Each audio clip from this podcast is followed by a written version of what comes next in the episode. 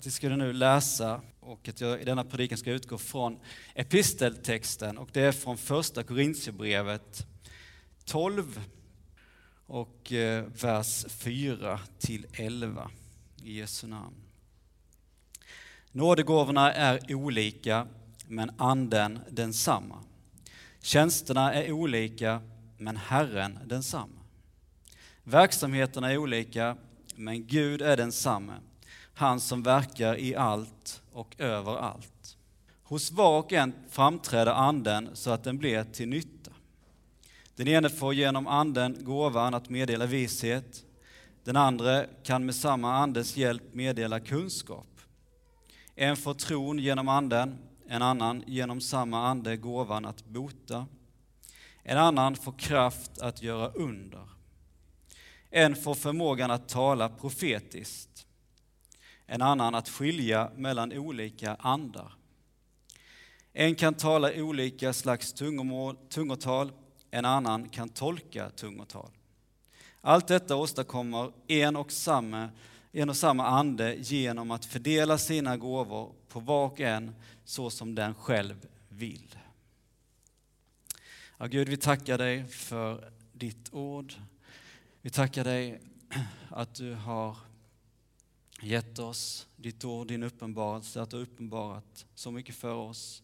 Att vi ska kunna få lära känna dig, att vi ska kunna få eh, vägledning hur vi ska leva eh, våra liv och också hur, hur det ska vara i din församling, Gud. Eh, jag ber Herre att du nu ska göra ditt ord levande för oss som är här idag eh, och som lyssnar nu, Herre. Hjälp oss att i ödmjukhet ta emot ditt ord och jag ber att det ska få bära rik frukt i våra hjärtan. I Jesu Kristi namn. Amen. För en tid sedan, en, jag vet inte riktigt, det var ett antal veckor sedan, kanske någon månad sedan, så var det på en, en gudstjänst och eh, där man ville lyfta fram det profetiska eh, och den profetiska gåvan på olika sätt och bland annat gjorde man det genom att ha en, en eh, personlig förbön i slutet av gudstjänsten på ett, ett enkelt sätt men man fick, fick komma fram och då förebedjarna eh, försökte lyssna in Guds röst och, och be. Och eh, eh jag gick fram och fick eh, förebedjarna som bad för mig fick eh, bad lite olika saker och bland annat ett, ett uttryck som som finns i Bibeln och som är lite speciellt. Jag, det är personligt för mig så jag behåller det för mig själv. Men, men fick det här uttrycket och, och nämnde det. Och inte så mycket mer med det. Eh, men det, det styrkte och var uppmuntrande. Och sen, jag tror det var dagen efter, så, så läste jag min bibel och eh, min liksom vanliga eh, bibelplan, eller vad man ska säga, eller där, där jag var i min bibelläsning. Och då stötte jag på just det här, precis det här samma uttryck eh, som jag tror finns två gånger i hela Bibeln. Men det blev, man kan ju fundera sig, är det här liksom då, var det en tillfällighet eller en slump? Men jag tror inte det, utan jag tror att det var liksom Guds ande som verkade, att Gud ville säga detta. Och den här upprepningen då blev en väldig eh, bekräftelse och en väldig uppmuntran eh, för mig. Och jag tror det är ett, ett exempel på när anden verkar, andens eh, gåvor i funktion. Och ni har säkert många, många exempel på, på lik, liknande. Och det är detta som, som texten här handlar om. Det är om, det är om andens verk, det är om, om eh, olika gåvor. Och jag tänkte idag lyfta fram här utifrån denna texten fem olika saker. Och det första jag vill säga är då att det här är något som är viktigt. Om vi tittar på lite sammanhanget och kollar man på verserna innan de verser jag läste så säger Paulus där, vers 1, i fråga om de andliga gåvorna, man kan också översätta det som i fråga om det, det som är det, det andliga, Eh, som hör till anden. Så säger han, bröder, om det vill jag att ni ska ha kunskap. Och eh, Paulus behandlar en mängd olika ämnen i första Korinthierbrevet, men ett av dem som han tar fram här då och lyfter upp och som kanske församlingen frågat honom om är då de här andens gåvor. Och Paulus stryker under att det här vill jag att ni ska ha kunskap Det här är viktigt. Och det är inte något som gäller bara en liten grupp av församlingen som är särskilt intresserad av detta. Som har liksom en, en viss personlighetstyp. Nej, det här är liksom för, för hela församlingen. Han skriver till, till alla, jag vill att ni ska ha kunskap. Det här är viktigt för, för var och en av oss.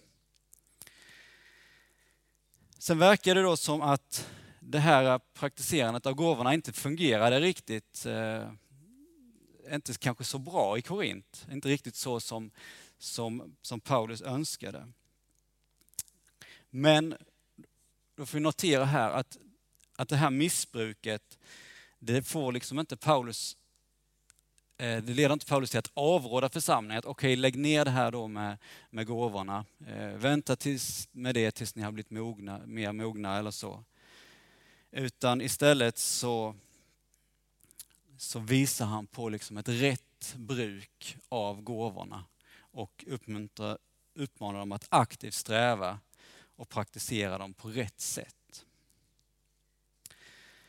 Eh, sen visar han på ett kriterium också här i, i de här verserna i inledningen för en, vad kan man säga, för andlighet. Den här församlingen var ju i en, en hednisk värld, många olika gudar och avgudar som, som, som, som fanns och Paulus lyfter upp liksom ett kriterium vad som är, eh, vad som är ett andeinspirerat tal, vad som är liksom från, från Guds ande och då är det bekännelsen till Jesus som är central. Att Jesus är Herre.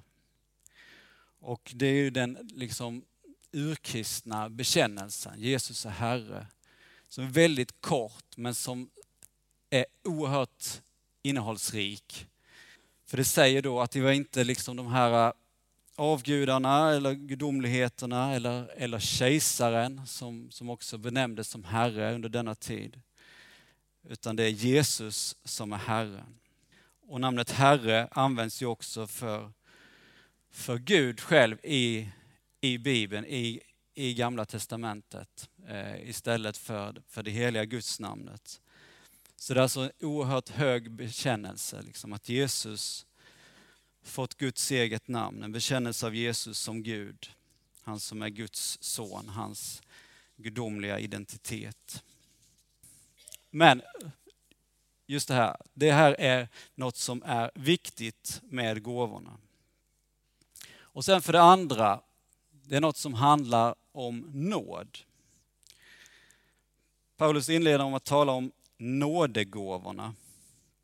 Och temat för den här söndagen är nådens gåvor. Jag vet inte vad du förknippar med begreppet nåd. Ibland kanske vi, eller ofta kanske vi förknippar det med, liksom med, med att bli benådad, att liksom bli fri liksom från sin skuld, sin, att få förlåtelse. Utan att vi liksom då har förtjänat det, att, att, att Jesus frälser oss eh, genom sin död och uppståndelse på grund av Guds nåd. Det här är ju oerhört viktigt och centralt i, i Bibeln, evangeliet, i vår tro, eh, som vi ska liksom hålla fast vid och ständigt, ständigt ha för ögonen, predika ofta om. Men samtidigt så är det ju också så att nåden är också något som, som berör ännu mer. Att den handlar också om förvandling förändring och talar ibland om den förvandlande nåden. Nåd hör ju samman med gåva och Guds gåvor till oss berör liksom många områden. Och Gud ger oss sin nåd för att vi också ska kunna få, få klara av det, det, det kristna livet, klara av livet, att för det som vi inte klarar av i, i egen kraft. Där verkar Gud med sin, sin nåd. Och Andens gåvor, eller nådegåvorna, är också ett viktigt uttryck för Guds nåd. Nåd på grekiska är charis Och Paulus talar här om charismata. Eh, så det är en tydlig koppling till nåd, uttryck av nåd. Och han talar lite om, om andens gåvor och nådegåvor och hur hänger det ihop? Tycks ibland vara som synonymer, men kanske snarare att det överlappar lite. Eh, där nådegåvor är den liksom lite större kategorin. Och när han talar om andens gåvor, att han mer betonar kanske då liksom eh, det som hänger samman direkt med andens verk. Att det är nådegåvor innebär ju då att det inte är någonting som vi förtjänar. Eh, det är inte något som vi får utifrån att en lång och trogen tjänst. Eh, nej, det är gåvor som Gud ger i sin godhet och generositet. Eh, så gåvorna handlar om, om nåd. För det tredje så finns det en, en mångfald. Det finns en mångfald av gåvor, det finns en mångfald när det gäller Andens verk. Paulus talar om olika nådegåvor, tjänster, verksamheter. Och eh, om vi då går tillbaka till, eller till, till eh, församlingen i Korint som han vänder sig till så, så tycks det ha varit så att den här församlingen då eh, Eh, var väldigt fokuserade på, på en gåva. Att man var väldigt fokuserade på tungotalet. Och att man kanske också betraktade det som liksom själva tecknet på att, på att på en sann andlighet eller att man är en andlig människa, då, då talar man i tungor. Eh, och Paulus han bejakar och bekräftar tungotalet. Läser vi kapitel 14 så lyfter han upp det, att det det är viktigt. Han talar mycket tungor själv och, och det är viktigt för den, för den egna uppbyggelsen, ett bönespråk. Och att det också har en, en plats när det får tolkas, har en plats i den, i den större församlingen. Men det Paulus tycks betona här då är mångfalden. Att inte missa mångfalden av gåvor, tjänster, verksamheter. Han talar om vishet, kunskap, han talar om tro. Och här är det ju då inte den tro som, som liksom leder till frälsning utan en tro som den, den undergörande tron som kan leda till under. Han talar om helande, urskiljning, profetia, tungotal och kraftgärningar. Och kanske inte en fullständig lista, men för att visa på den här mångfalden. Och här är fokus då på, på andens gåvor, det vi skulle kanske ja, lite mer slarvigt kunna kalla mer övernaturliga gåvor.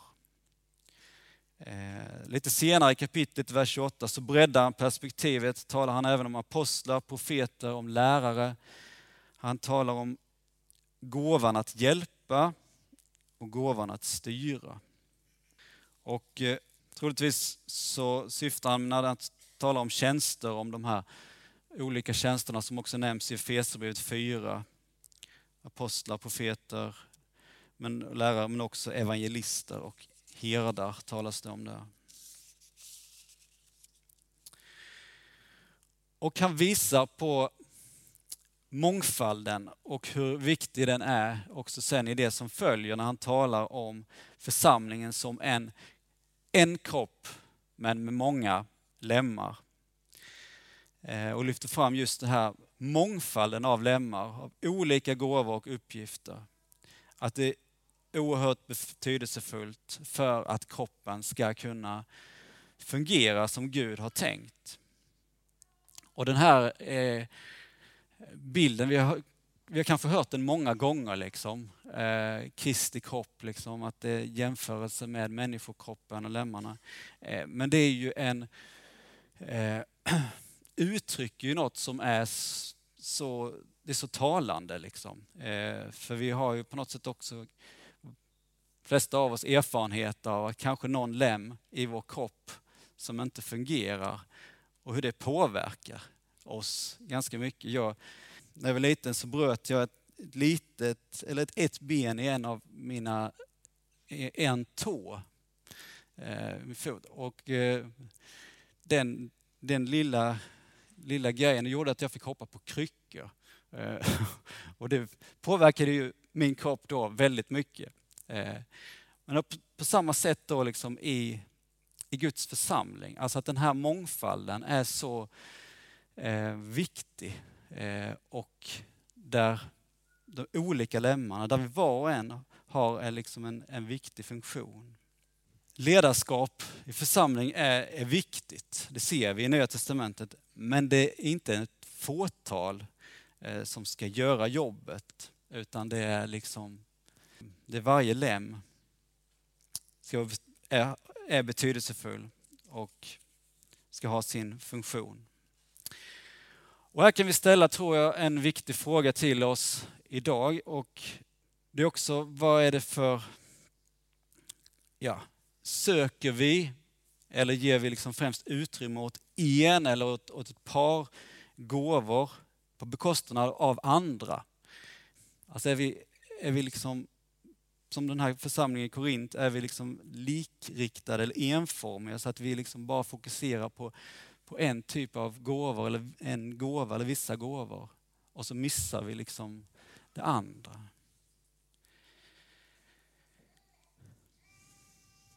Och jag tänker att vi kan ställa den gåvan till, man kan ställa den till om sin, sin församling, fundera på, men också som, utifrån sig själv, till, till sig själv. Eh, tänker jag det främst, är det liksom en, en gåva som, som Gud vill använda mig i? Har jag en gåva? Eller finns det kanske mer? Kanske Gud vill använda mig på fler sätt? Kanske det finns fler, fler gåvor? Är jag öppen för det? Paulus betonar mångfalden alltså eh, och samtidigt markerar han då att det har sitt upphov från en och samma Gud. Den treenige, Fadern, Sonen Anden. Att det finns en enhet här i, i liksom källan till, till de här olika uttrycken. Och här har vi också en av de tidigaste texterna som liksom pekar så här indirekt på, på treenigheten. Så mångfalden är viktig. För det fjärde, det här syftar, med gåvorna syftar till uppbyggelse, inte till upphöjande. Eh, syftet med Andens gåvor är att bli till nytta, skriver Paulus i vers 7. Det handlar alltså inte om att individer ska glänsa, utan om att människor ska få byggas upp. Eh, vi lever i en kultur där ibland begåvade människor på olika sätt kanske lyfts upp väldigt mycket och överöses med beröm. Andens gåvor, det är Andens verk, nådegåvorna är, det är gåvor från Gud. Eh, och därför ska Gud ha äran. Och Gud utrustar oss inte med gåvor för att vi ska bli stora. Eh, utan för att vi ska få kraft, eh, kan man väl säga, muskler för att betjäna andra. Och det kännetecknande för, för en tjänare är att han är villig att komma underifrån, att också göra det, det obekväma. Och där ju det tydligaste exemplet är ju Jesus, vår och Herre, eh, Guds son som, som lämnar den himmelska härligheten och som blev, blev, män, blev människa då, antog en tjänares gestalt för att betjäna oss, för att, för att frälsa oss.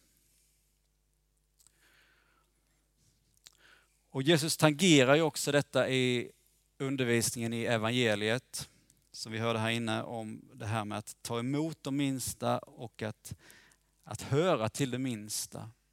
Eh, barnen i antiken saknade ju eh, saknade status och ställning och var beroende. Och att då vi som lärjungar, som, som tjänare också vara liksom solidariska med det minsta och vara, vara redo att, att tjäna och göra sådant som inte ger oss status. När Gud ger gåvor gör han det för att det, för att det ska vara till nytta för andra. Och att det är vår, vår nästa som ska stå i centrum. Fortsätter vi att läsa här i första Korinthierbrevet, tycker att ni ska göra, om ni inte har gjort det på länge, så kommer man efter kapitel 12 kommer man till kapitel 13. Så är det. Och då, men det som är speciellt här är att kapitel 13 så ändrar Paulus helt eh, stil. Stilnivån blir helt annorlunda och det blir väldigt poetisk stil. Och eh, Paulus släpper liksom lite det här talet om, om konkreta talet om, om gåvorna eh, och kroppen. Och så talar han bara om kärleken och lyfter upp kärleken. Och den här liksom förändringen av stil gör också att det här kapitlet liksom då också sticker ut och, och det blir på något sätt väldigt betonat.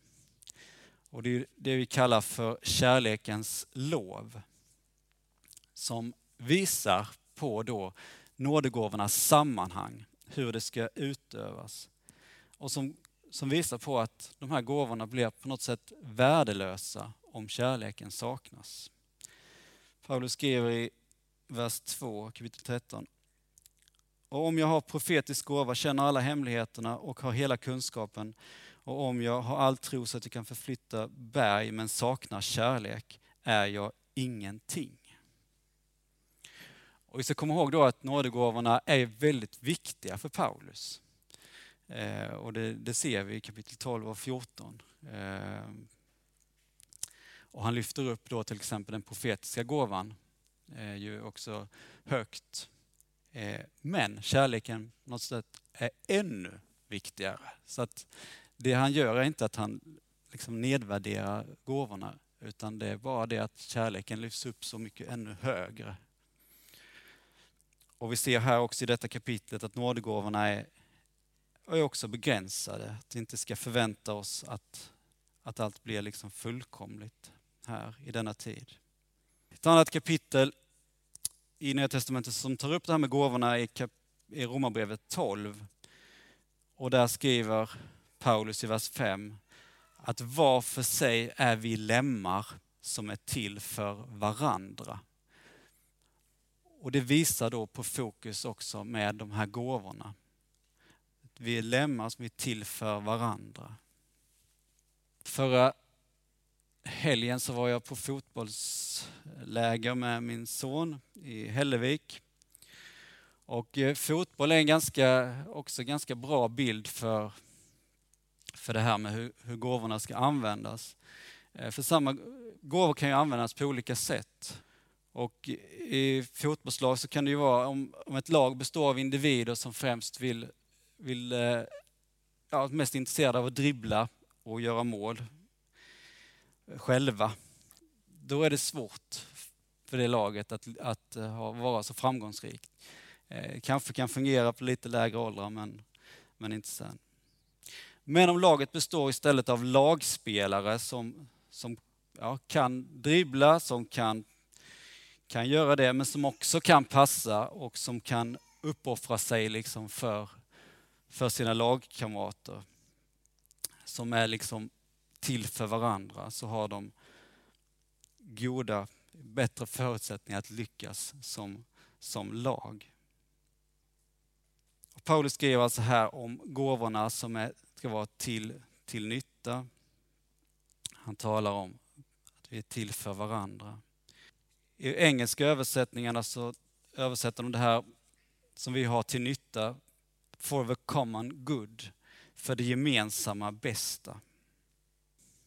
Och det här syftet med gåvorna visar också på något om, om oss som kristna och om församlingen. Och den kopplingen. Att nådegåvorna är liksom ett visar på något, rör vid något centralt i församlingslivet. Eh, det visar på två saker. Det första att, att du och jag behöver församlingen. Eh, vi klarar oss inte på egen hand eh, utan församlingen, för vi har inte alla gåvor. Eh, och för det andra, att församlingen behöver dig och mig. Att vi har också viktiga bidrag att ge åt församlingen. Det kan finnas skäl av olika anledningar där vi kan under kortare tid behöva liksom pausa ett församlingsengagemang kanske. Så. Men, men Bibeln är tydlig med att Guds plan för oss är ju att vi ska leva med i församlingslivet. Att vi ska både ge ut och få ta emot. Så det blir en lite längre redogörelse här, men alltså syftet med nådegåvorna också att, att Gud får förhärligas och att församlingen får byggas upp. Sen slutligen då, det femte, det är att det här gäller var och en.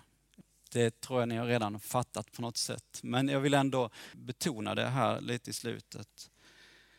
Paulus säger allt detta åstadkommer en och samma ande genom att fördela sina gåvor på var och en så som den själv vill.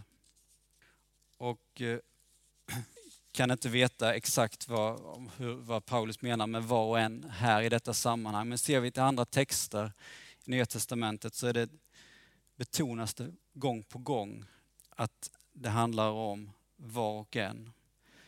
Petrus skrev i första Petrusbrevet 4, 10.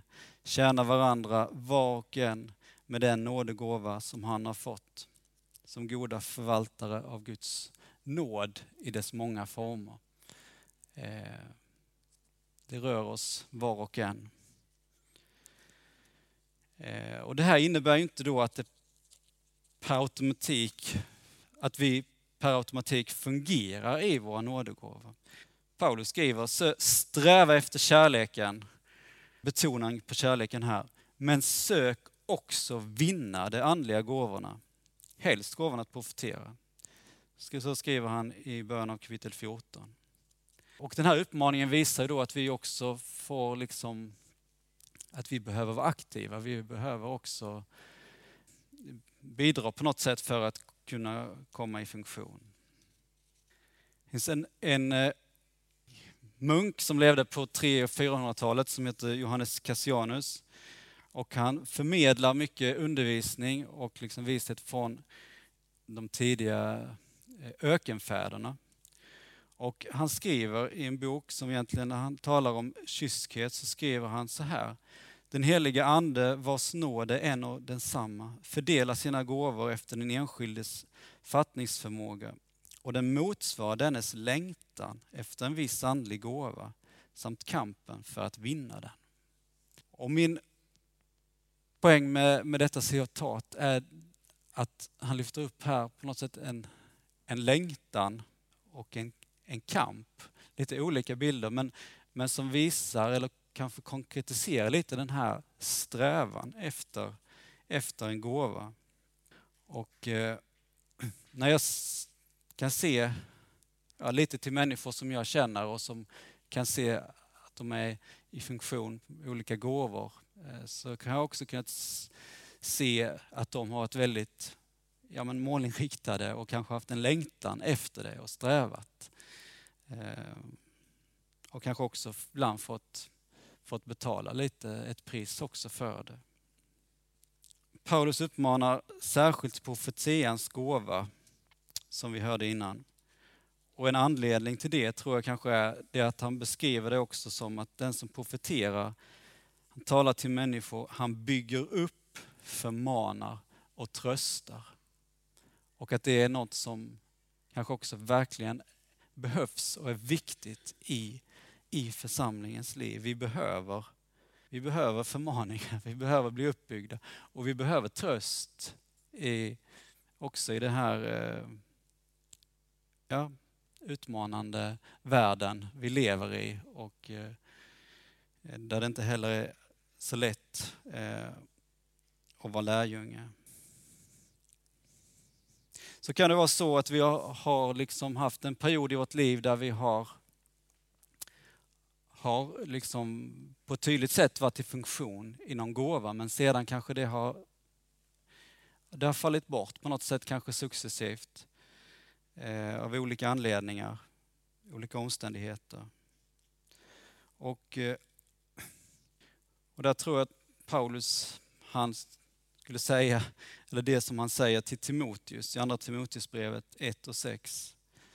Han skriver, därför påminner, påminner jag dig om att du ska blåsa liv i den nådegåva från Gud som finns hos dig sedan jag lade mina händer på dig. Timoteus verkade ha blivit, han var i en svår situation, han verkade ha blivit lite passiv, overksam. Och han uppmanas att blåsa liv i sin gåva, eller att hålla elden levande, eller låta den flamma upp. Eh, vi kanske också behöver det genom, genom bön, genom att praktisera, kanske på olika sätt.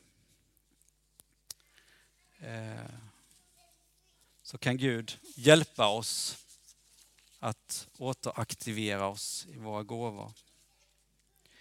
Eh, och det finns ju olika sätt att sträva efter Andens gåvor och så, men jag tror att en, en viktig bit, eller en stor hjälp, är den lilla gruppen. Eh, hemgruppen eller något liknande. Där vi liksom i en trygg mindre miljö kan få ta steg och kanske ta första steg i, på olika sätt. Att vi kan få utmana oss själva, pröva lite och där vi kan uppmuntra varandra i detta. Att söka våra olika, olika nådegåvor. Ja, så Andens gåvor, nådegåvorna, Andens verk, det är viktigt. Det handlar om nåd, Guds gåvor som Gud ger för förvandling. Mångfalden, betydelsefull i Guds plan.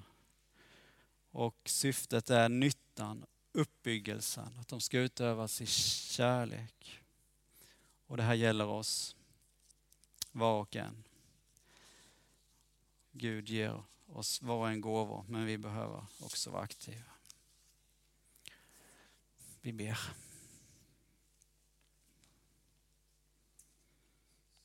Ja, Gud, jag tackar dig för din, eh, din omsorg om oss var och en. Tack för din nåd som gäller oss var och en. Tack för frälsningen genom Jesus. Genom din nåd. Tack att du också ger din nåd på så många andra sätt. Tack för dina gåvor. Tack för nådegåvorna. Herre, jag ber att du ska hjälpa oss var och en att se, se våra gåvor. Hjälpa oss att ta steg som vi behöver, behöver ta på olika sätt. Herre, ge oss kraft. Herre, led oss. Hjälp oss att tjäna varandra till din ära. Be om din rika välsignelse över denna församling här i FES i Helsingborg. Tack att jag får, får tjäna dig och får eh, lovsjunga dig och förkunna ditt, eh, ditt ord här mitt i Helsingborg. Jag ber att du verkligen välsignar eh, församlingen, att det får verkligen vara en, en mångfald av gåvor, en mångfald av din nåd, Herre, i denna församlingsgemenskap. I Jesu namn. Amen.